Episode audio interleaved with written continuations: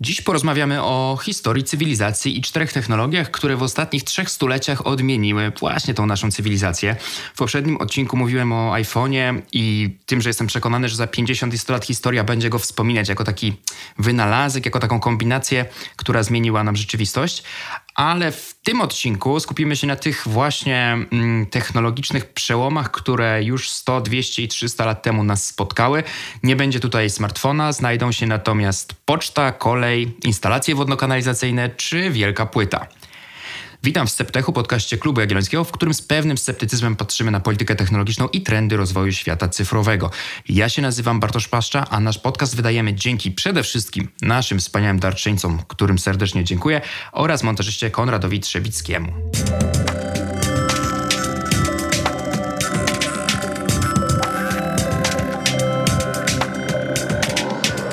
Moim dzisiejszym gościem jest Rafał Matyja, profesor Uniwersytetu Ekonomicznego w Krakowie, którego ci najbardziej zatwardziali słuchacze kojarzą z pewnością z odcinka numer 41, gdzie rozmawialiśmy o spisie powszechnym i państwie opartym o dane. Dziś jednak sięgniemy nieco dalej w głąb historii. Porozmawiamy o nowej książce profesora Matyi pod tytułem Miejski grunt 250 lat polskiej gry z nowoczesnością. To książka o historii, ale nie w tym typie, który pewnie dobrze znamy, czyli książki o kolejnych bitwach, powstaniach, wojnach, polityce. To jest książka raczej o cywilizacji, o jej rozwoju, szczególnie na ziemiach polskich, ale trochę nie uciekająca od kontekstu tego, co działo się w świata. Zamiast e, tym razem e, spędzać dużo czasu na moim przydługim wstępie, to po prostu dam się wypowiedzieć autorowi. I zacznę od tego, że pierwsza rzecz, która mnie zaskoczyła, to data rozpoczęcia narracji, czyli 1769 rok. To jest taka data, która w historii się przewija, trwała wtedy Konfederacja Barska, no ale nie jest to taka przełomowa data w rodzaju uchwalenia Konstytucji 3 maja czy daty pierwszego rozbioru. Więc skąd akurat wtedy początek książki? Znaczy przewrotnie, ja jako historyk bardzo często spotykam się z długimi dyskusjami na temat E, datowania jakiegoś okresu, kiedy się zaczęło, kiedy się skończyło, jakie są cechy charakterystyczne wobec tego. I żeby tego uniknąć, no w momencie, kiedy zabrałem się za pisanie książki, już takie pisanie, pisanie, to po prostu sobie wbiłem jedną nóżkę cyrkla, a w jedną datę dzienną 2019 poszukałem 250 lat i y, y, druga nóżka cyrkla wpadła w Bielsko, a w zasadzie w Białą, gdzie mieszkam i po prostu rok 1769. Stąd ta taka dziwna data. To nie ma, y, więc jak gdyby trochę na złość takim historycznym, długim debatom, kiedy się zaczęła nowoczesność, rzeczywiście żadnej, nie tylko dziennej, ale nawet rocznej daty nie sposób e, podać i no i mm, ponieważ akurat w Białej, kompletnym, kompletnym, kompletnie marginalnym miasteczku e, ówczesnej Rzeczpospolitej działa się ciekawa historia, no to o niej opowiedziałem, ale, ale to mówię, to pewien zbieg okoliczności. No ale też, e, może ja to tak odczytuję, nie interpretując, e, jak to tradycyjnie czytelnicy powinni. Jest to według mnie trochę symptomatyczne dla książki, bo właśnie pokazuje tą przewrotność, w której to nie jest tak, że uciekasz od polityki, to nie jest tak, że one nie widać, że nie ma wojen i zaborów, bo one też odcisnęły oczywiście piętno na polskich miastach i, i cywilizacji mm, europejskiej całej, ale też w naszym społeczeństwie. Natomiast one nie są w ogóle głównym elementem, nie ma tutaj za dużo wielkich postaci historycznych, one się gdzieś tam w tle przewijają, natomiast tak naprawdę chodzi o to, jak właśnie rozwijały się te różne nasze małe ojczyzny, jak się łączyły, jak rozwijały się miasta, albo niekoniecznie rozwijały niektóre e, i co się działo właściwie rok po roku przez te 250 lat. Skąd w ogóle takie podejście, którego ja w ogóle mocno kibicuję? Pozdrawiam serdecznie Piotra Kaszczyszyna, który, który kiedyś wyszedł z taką inicjatywą, żebyśmy w końcu zbudowali właśnie Muzeum Cywilizacji, a nie Muzeum Kolejnych Wojen i Powstań. Więc skąd u ciebie takie przekonanie, że powinniśmy porozmawiać właśnie o tym z tej innej perspektywy, z tej perspektywy szerokiej społeczności, a nie niewielkich postaci i bitew historycznych? To znaczy na trochę bardziej skomplikowanym poziomie niż to jest wyłożone wprost w książce, to chodziło o to, że żyjemy w świecie, których, którego nie rozumiemy. To nawet wprost jest w książce napisane, no ale ja, ja zaraz powiem, jaki drugi zabieg temu towarzyszył, ale że jak gdyby patrzymy na miasto, ale nie widzimy jego dość skomplikowanej geologii, czyli takich warstw, które się składają na e, przestrzeń, w której żyjemy. Nie wiemy w zasadzie, kiedy zostały wytyczone te ulice, po których chodzimy, z jakiego okresu jest mniej więcej zabudowa. I, to nie chodzi o to, żeby się e, jakoś ekscytować wiekiem budynków, tylko żeby rozumieć, kiedy i skąd to się wzięło. Czyli w zasadzie y, świat, który nas otacza, jest historycznie nieopisany. My mamy masę opisów różnych rzeczy, które się w historii działy i tych dotyczących polityki, czy, czy, czy, czy walki o niepodległość, czy ja, jakichś takich wielkich, spektakularnych, jak mi się wydaje, zdarzeń. Natomiast skąd wzięło się to materialne, które nas otacza, nie wiemy. I to, jest, to była jakby taka pierwsza rzecz, którą, na której mi o pisaniu bardzo zależało. Ale druga rzecz, która ja się zorientowałem, że bo też czasami kawałki tych rzeczy, o których pisałem, opowiadałem studentom, nie na zasadzie, że piszę, tylko żeby im jakieś rzeczy wytłumaczyć, no to zobaczyłem, że ogromną, e, ogromne wrażenie sprawia na nich e, informacja, że 250 lat e, poranek, który przed chwilą przeżyli, zanim poszli na zajęcia, być był w ogóle niemożliwy. Znaczy, obudziliby się w jakimś e, zimnym e, pomieszczeniu, gdzie musieliby najpierw rozpalić w piecu. Jeżeli by się chcieli umieć, to, to musieliby pewnie pójść po wodę e, do studni, pewnie jakoś jeszcze ogrzać, że prawdopodobnie mieliby dwa komplety ubrania w najlepszym wypadku, no i że nie wiedzieliby, co się stało na świecie. To znaczy, o wielkich wydarzeniach dowiadywaliby się z kilkutygodniowym opóźnieniem, jeżeli w ogóle. Nie byłoby jak posłuchać jakiejkolwiek muzyki, chyba że ktoś sobie umiałby sam zagrać.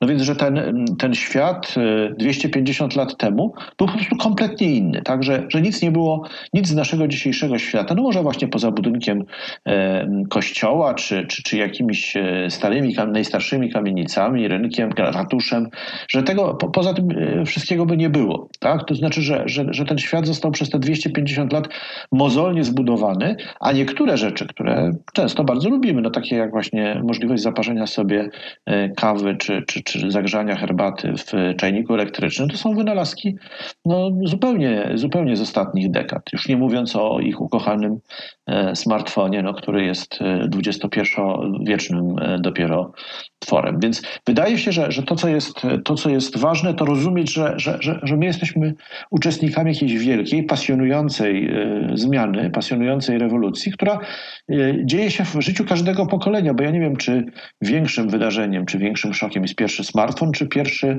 wjazd e, pociągu do jakiegoś małego miasteczka, który naprawdę musiał budzić ogromne, ogromne emocje. No i każda epoka pewnie ma też jakieś swoje gadżety, ja pamiętam, że jak ja byłem dzieckiem, to największym takim skokiem w dorosłość było dostanie zegarka, tak? Jakiegoś e, radzieckiego albo nerdowskiego, ale, ale to wydawało się czymś zupełnie fantastycznym. Myślę, że dzisiaj zegarek w ogóle już nie jest, nie robi na nikim wrażenia. Jest właśnie pewien łącznik pomiędzy tym smartfonem a, a, początkami o tym XVIII wieku, którym piszesz, czy rokiem 1769, bo w ogóle to jest ciekawa perspektywa patrzenia na tą naszą cywilizację, czyli jakie było maksymalne tempo obiegu informacji. Ja pamiętam, że kiedyś w takiej e, książce pod tytułem Informacja e, Jamesa Gleica przeczytałem coś, co mnie zszokowało wówczas. To znaczy, że my jako cywilizacja Zachodu e, przez długi czas historii świata byliśmy do tyłu, jeśli chodzi o to tempo e, przekazywania informacji. Dlatego, że my potrafiliśmy je przekazać z prędkością jeźdźca na koniu albo okrętu żaglowego, w zależności od tego, czy potrzebowaliśmy przekazać to na lądzie, czy na wodzie. I to był pewien maksymalny, nieprzekraczalny, e, nieprzekraczalna dla nas prędkość przez zdecydowaną większość czasu rozwoju naszej cywilizacji. A w tym czasie, na przykład w Afryce, przecież rozwijano czy to tamtamy, czy e, właśnie jakieś e, sygnały dymne. Pojawiały się one również e, wśród plemion indyjskich w Ameryce Północnej i one potrafiły przekazać informacje zdecydowanie szybciej niż ta cywilizacja łacińska, na którą przyzwyczailiśmy się patrzeć jako na tą najbardziej rozwiniętą, prawda? Tutaj wynaleźli proch, czy tutaj jakieś inne ciekawe wynalazki pozwalające na przykład niestety rozwijać kolonializm.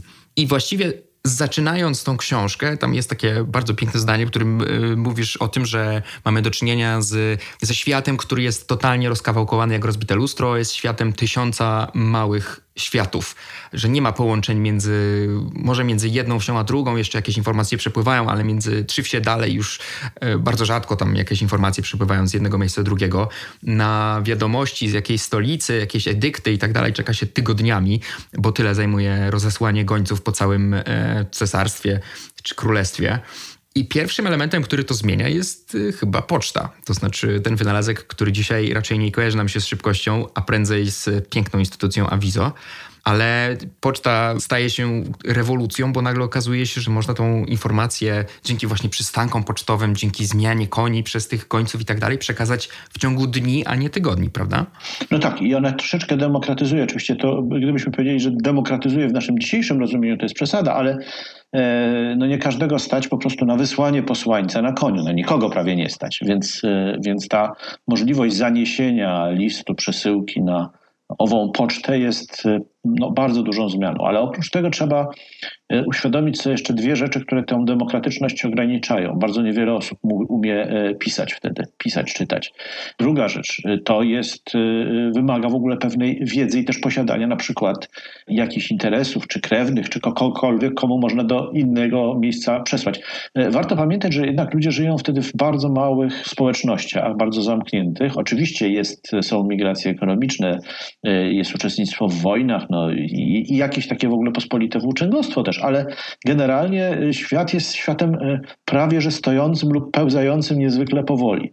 No są te fantastyczne cytaty z Napoleona, który mówi w zasadzie od czasów Cesarstwa Rzymskiego obieg informacji nie idzie dużo szybciej, tak? Dopiero, dopiero później zaczyna gwałtownie przyspieszać wraz z nowymi wynalazkami. Ale warto jeszcze jedną rzecz powiedzieć, żebyśmy nie myśleli o poczcie w taki sposób jak dzisiaj. Poczta to jest również przewóz osób, tak? To znaczy te, ta komunikacja pocztowa to jest równocześnie jedyny transport, no jakbyśmy dzisiaj nazwali publiczny, tak? Czyli nie, nie prywatny, który umożliwia no, w tempie żółwia, ale jednak przemieszczanie się nie, nie o własnych siłach, nie, nie, nie marszem. Więc e, to są, to są rzeczy rzeczywiście bardzo ciekawe.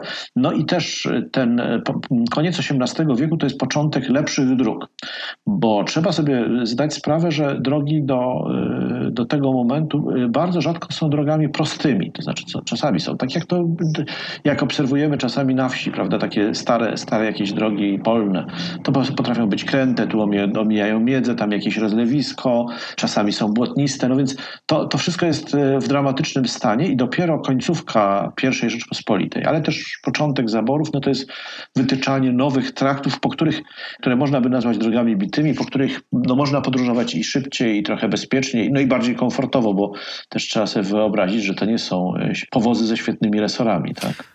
Tak, tutaj w książce przewija się przykład takich przełomowych karetek podróżnych produkowanych przez Steinkellera, które potrafiły osiągnąć prędkość 13,5 km na godzinę pomiędzy Krakowem a Warszawą. Tak, to jest ważne, to jest średnia prędkość. Tak? Średnią oczywiście. Wówczas to oszałamiająca prędkość. E, Myślę, że to takie małe pocieszenie dla wielu dziś podróżujących, tak jak ja, pomiędzy tymi dwoma miastami, szczególnie samochodem i mieszczących się na tej wciąż częściowo jednopasmowej drodze pomiędzy dwoma największymi polskimi miastami. Kiedyś było gorzej. Tak, i, i, też oczywiście musimy pamiętać, że rzeczywiście tego typu dystanse to już nalega, należały do niebotycznych. Tak? Ale nawet jeżeli mówimy o e, dostaniu się z Bochni do Krakowa, to cały czas e, wydaje się to e, przy tempie 13 na godzinę na przykład, a było bardzo często wolniej, no niebywałą podróżą wręcz. I przechodzimy do drugiego elementu miasta, elementu krajobrazu, który pojawił się w XIX wieku i bardziej niż karetki podróżne zrewolucjonizował mm, nie tylko przesył informacji, ale też towarów czy ludzi, to znaczy do do wspomnianej już na początku przez ciebie kolei. Myślę, że skala tej rewolucji, mimo tego, że uczymy się o rewolucji przemysłowej, wiemy o tym, że pojawiły się pociągi, znamy je zarówno z filmów o Winnetu, jak i e, z filmów o XIX-wiecznej Łodzi czy Polsce, mm, to mimo wszystko chyba skala nam umyka.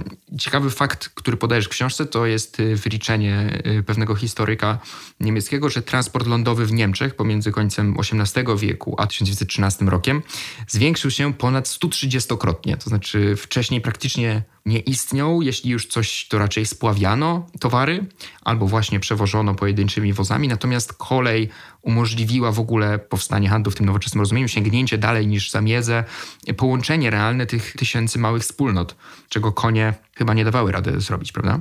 No tak, no i też umożliwiła dużo szybszy rozwój przemysłu. Sama była elementem tego rozwoju, skutkiem pewnej fazy rewolucji przemysłowej. Natomiast e, wystarczy sobie wyobrazić jedną rzecz. Przed e, powstaniem kolei w zasadzie nie było e, takiego, jaki dzisiaj później znamy, handlu węglem. Po pierwsze nie bardzo było dlaczego, po drugie on był strasznie trudny, tak? bo wożenie węgla przy pomocy no, innymi formami niż spławne, ale ta też była nie, bardzo niedoskonała, było niebywale trudne trudne. Jak pojawiła się kolej, to popyt na węgiel wzrósł wielokrotnie, no bo po pierwsze kolej potrzebowała tego węgla, żeby jeździć, no ale była możliwość przewożenia ogromnych transportów właśnie e, tego surowca, innych surowców e, w różne miejsca. To na przykład oznaczało, że hutnictwo może powstawać nie tylko tam, gdzie jest węgiel, w bliskiej sąsiedztwie, chociaż tam było zwykle najbardziej ekonomicznie opłacalne, bo, bo jeżeli te dwa surowce, czyli ruda żelaza i węgiel leżały obok siebie, to, po co to wozić? To były drożdże do rozwoju przemysłu. No ale, ale to jest właśnie ten moment, kiedy nagle y, y, mogą powstawać y, też rynki światowe pewnych surowców, nie tylko właśnie, które kursują drogą morską, ale takich, które właśnie można przewieźć z głębi lądu na, na wybrzeże. Więc to, to, to jest taka, takie rzeczywiście przyspieszenie, to jest umasowienie w ogóle transportu. No i też on się dość szybko demokratyzuje, bo oczywiście początki, ja próbuję tak lekko zniechęcić do entuzjazmu, początki to, jest, to są takie, że, że koleje są dość drogie, a i tak jak ktoś jest, jeździ tą ostatnią klasą, to, to jedzie pociągiem, który nie ma dachu i to oznacza, że i kopci na niego lokomotywa i pada na niego deszcz i wszystko, co, co się dzieje, jest nieprzyjemnie. Natomiast no to szybko oczywiście jakoś to, to, to, to zasłaniano i tak dalej, ale, ale te początki są i tak fascynujące, no bo trzymajmy się tej Bochni. To, że można pojechać w niedługim czasie dojechać do Krakowa, tak, po, pociąg już jeździ 30-40 na godzinę, więc e, na, nawet na, na, samym początku, no to oznacza, że, że, że świat się po prostu kurczy niebywale. E, można, można do różnych miejscowości dojechać w ciągu jednego dnia, a nie w ciągu kilkudniowej, bardzo męczącej, no i niebezpiecznej i z powodów zdrowotnych, i z powodów takich e, bezpieczeństwa no, portfela, w sensie, że można zostać łatwo okradzionym, napadniętym podróży. Więc to jest rzeczywiście gigantyczna rewolucja i rewolucja, która się mimo wszystko dość szybko demokratyzuje. To nie jest tak, że od razu jest dla wszystkich dostępna, ale wyobraźmy sobie, że mniej więcej 50 lat po uruchomieniu tych e, przejazdów kolejowych e, ludzie zaczynają jeździć koleją do pracy. Tak? Robotnicy w wielu miastach dojeżdżają koleją z miejscowości, no ze wsi, z okolicznych miejscowości do jakiejś fabryki. Czy... Więc to, to, to już jest lepszy środek lokomocji niż wszystko, co znano poprzednio. I według mnie tam jeszcze jeden ciekawy element wyłowiony z, z książki, to jest to, że e, zwracasz uwagę na, to, na tą kolej galicyjską, która powstawała z inicjatywy różnych ludzi i na to, że nie, nie, inżynierowie, osoby lobobujące, mówiąc dzisiejszym językiem, za powstaniem tej kolei nie są wspominane. Tak, nie mamy ulic ich imienia, nie mamy pomników ich imienia. E, tak naprawdę to też pokazuje to, jak łączą się małe światy w jeden wielki świat, że my tak naprawdę być może w takiej Bochni powinniśmy stawiać e, baronowi Rothschildowi pomnik za to, że za to, że chciał i, i zbudować taką kolej, jakkolwiek może um, byłoby to trudne w dzisiejszych czasach. No ale to samo to, że pojawiają się w naszym mikrokosmosie, w którym żyjemy sobie gdzieś w środku galicyjskich lasów, osoby, które pochodzą z drugiego końca Europy, które mieszkają na co dzień setki kilometrów od nas i mają wpływ na to funkcjonowanie rzeczywistości dookoła nas, świadczy o tej już rozpoczynającej się globalizacji. No tak, globalizacji, no, e, na razie może europeizacji, tak? bo, bo ten świat jednak jest jeszcze bardzo mocno pozamykany e, na różne inne, inne e, okoliczne światy, ale to, co jest rzeczywiście ważne, to ja bym chciał choćby drobnego przesunięcia w sferze symbolicznej, to znaczy my mamy, no tak mówiąc, nawet z perspektywy podręcznika do języka polskiego, drugoligowych pisarzy, którzy mają swoje ulice w każdym mieście. Tak? I już prawdopodobnie coraz mniej się o nich szkołach uczy, na pewno nie ma ich na liście lektur obowiązkowych, ale w naszej przestrzeni symbolicznej mają e, ogromną, cały czas odgrywają ogromną rolę, podobnie z jakimiś bohaterami e, bitew czy konspiracji. I to właśnie o ile powiedzmy, że, że, że jeszcze jest, dla mnie byłoby zrozumiałe, gdyby mm, to były osoby, które łączą ten udział w wielkiej historii z, udziałem w historii lokalnej. Natomiast to są często zupełnie nie, niepowiązane z różnymi miastami, zwłaszcza na ziemiach zachodnich postacie. Natomiast nie potrafimy oddać e, jakiejś prostej pamięci, właśnie w formie ulicy, ronda, mm, czy czegoś takiego e, osobom, które się przyczyniły do e, wzrostu tego miasta. Chociaż to, to jeszcze chcę powiedzieć jedna rzecz. Może to się zmienić bo, bo troszkę infosfera miasta dzisiaj inaczej wygląda. E, być może to, to z Twojej perspektywy będzie lepiej widoczne. QR-kody to jest boczny zaułek e, rozwoju, ale śmieszny QR-kod dodany do nazwy ulicy dawałby szansę szybkiego przeczytania, kim był kim był dany bohater, no bo bardzo często nie wiemy. Ja kilka tygodni temu rozmawiałem z Dariuszem Rosiakiem, który przyznał, że nie wiedział, kim jest e, Sokrates Starynkiewicz, choć pracował w redakcji, która była pod tym właśnie adresem, tak, redakcja Rzeczpospolitej mieściła się przy, przy placu Starynkiewicza. No i to jest, to jest naturalne, tak? My, my, my jesteśmy niewrażliwi na tą taką sferę dodatkową, więc może, może to, to należałoby robić trochę bardziej pomysłowo. Ja mogę powiedzieć, że chociażby w mieście, w którym mieszkam, czyli w Bielsku Białej, na bardzo wielu zabytkowych budynkach, budynkach i to budynkach, które są zabytkami przemysłu, są informacje, jaka to była fabryka, e, kto ją założył, kto ją potem prowadził, jak się nazywała, co produkowała, więc to są rzeczy, które są nie kosztują wiele, a naprawdę bardzo, bardzo rozwijają taką percepcję otoczenia. Więc y, może pomnik Rothschilda nie, ale jakby ktoś wpadł na pomysł, jakaś y, rzeczywiście miejscowość, którą y, to dobrodziejstwo dotknęło, żeby żeby ulicę Rothschildowi wy, wy, wy, wytyczyć, to byłaby nie lada sensacja. Ja myślę, że z pewnością byłaby sensacja. Zwłaszcza, że to nas znane dość nazwisko, bardziej znane niż e, nie jeden literat, który tam... Bardziej kojarzone z historią świata niż, e, niż jakimikolwiek związkami z Polską, mhm. prawda? Oczywiście. Po pierwsze nie nazwałbym QR-kodów ślepą uliczką. Myślę, że w, w Chinach szczególnie by się z tym bardzo nie zgodzili, gdzie wszystko jest na QR-kody, łącznie z zamawianiem wyciskanego soku w automacie i płatnością za niego. Um, no i myślę, że takie elementy tak czy inaczej nam z nami zostaną, nawet jeśli to nie będzie QR kod, tylko jakieś, nie wiem, inteligentne okulary, czy cokolwiek innego nam przyjdzie za 10 lat, to... Tak, ale chodziło mi o to, że 10 lat temu wyszła pierwsza w Polsce książka z QR kodem, tak? I można było sobie co, co kilka stron tam sczytać i ona odsyłała do różnych stron w internecie, ale potem się jakoś nie przyjęło. Tak, więc sobie powiedzieliśmy o tym, jak to kolej nam zaczęła łączyć te małe światy w trochę większe światy, chociaż jeszcze nie globalne. Potem ponarzekaliśmy na to, że połączyła to w większe światy i w związku z tym patrzymy na tych bohaterów z warszawskich ulic, a nie patrzymy na bohaterów e, swoich ulic nie nazywamy lokalnych, imieniem lokalnych osobistości tych naszych placy właśnie i ulic.